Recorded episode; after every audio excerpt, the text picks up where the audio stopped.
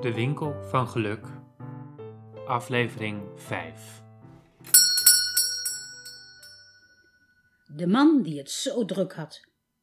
Elke ochtend, nog voordat alle andere mensen door het straatje kwamen lopen, sjeesde er een man door de straat. Hij kwam ook als een van de laatste die s'avonds weer terugliepen naar huis. Soms zelfs na middernacht. Nooit liep hij rustig, hij had altijd haast. Op een ochtend was hij iets later dan anders. Hij rende zo hard door het straatje dat hij struikelde over zijn eigen voeten. Net op dat moment kwam de winkelier van de winkel van geluk naar buiten. Hij zag wat er gebeurd was en hielp de man opstaan. Eigenlijk wilde de man verder rennen. Hij was immers al later dan anders. Maar hij kon niet goed op zijn voet staan. Het was niets ernstigs, dat voelde hij wel, maar het deed wel pijn. Daarom ging hij ondersteund door de winkelier mee de winkel binnen. Hij was blij dat hij even op een stoel kon zitten. Nee, hij hoefde geen thee, hij had geen tijd en de pijn zou zo wel wegtrekken. De winkelier liep snel naar de oude, versleten, donkere pot, schroefde het deksel eraf en zette de pot naast de stoel van de man en ging een bak water halen. Ja, even met mijn voeten in het water, dat wil ik wel, dat zal goed zijn. Maar niet te lang hoor, want ik heb haast sprak de man die gevallen was.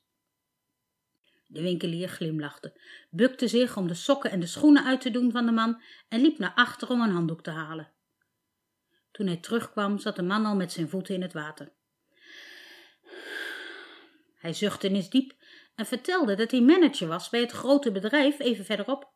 Hij was de leider van een grote afdeling en wilde altijd er eerder zijn dan de andere mensen van de afdeling. Daarom ging hij altijd zo vroeg naar zijn werk.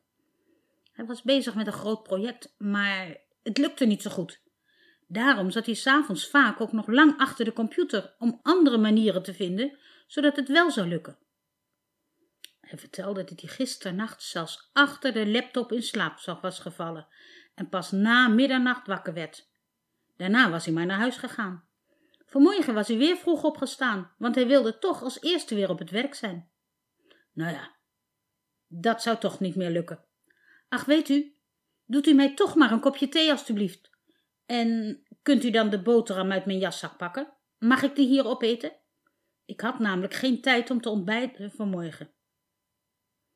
Toen de man uit de winkel zag dat er alleen maar een droge boterham uit het zakje kwam, ging hij gauw wat beleg halen. Ja, ziet u, ik had haast vanmorgen en heb alleen maar brood gepakt, verontschuldigde de man zich, terwijl hij nog steeds met zijn voeten in het water zat. Ja, weet u, mijn moeder zei altijd tegen mij: Heb je haast? Ga dan zitten. Maar daar had ik vanmorgen helemaal geen tijd voor. Normaal ook al niet, maar vanmorgen helemaal niet. Huh. Had ik het vanmorgen maar wel gedaan, dan was ik vast niet over mijn eigen voeten gestruikeld. Hmm.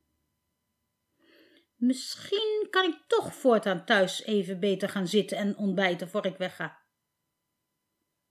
Misschien heeft mijn moeder toch gelijk gehad.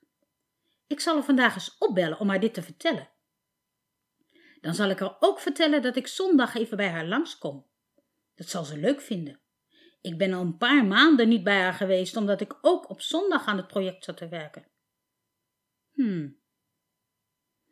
Misschien is af en toe pauze nemen helemaal niet verkeerd.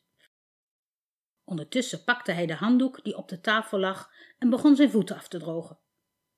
De winkelier stond op schroefde de oude pot weer dicht en zette hem weer terug op zijn plaats. De man van de winkel pakte een lichtblauw zijden zakje. Hij liet het een beetje vollopen met lucht en gaf het toen aan de man bij de tafel. Hier, zei hij, hier heeft u een zakje. Het is een heel bijzonder zakje. Het zakje zal u eraan helpen herinneren dat u niet altijd gehaast hoeft te zijn, dat u zichzelf ook even lucht moet geven. Als u nou voelt dat u weer haast in uw hoofd heeft, moet u dit zakje even op uw navel leggen, met beide handen erbovenop. En als u dan uw buik opblaast als een ballon, net alsof u het zakje wil vullen met lucht en daarna weer leeg laat lopen, zult u merken dat na een paar keer de haast uit uw hoofd weg is. En dat u dan veel beter zult presteren. Probeer het maar eens. Het werkt echt.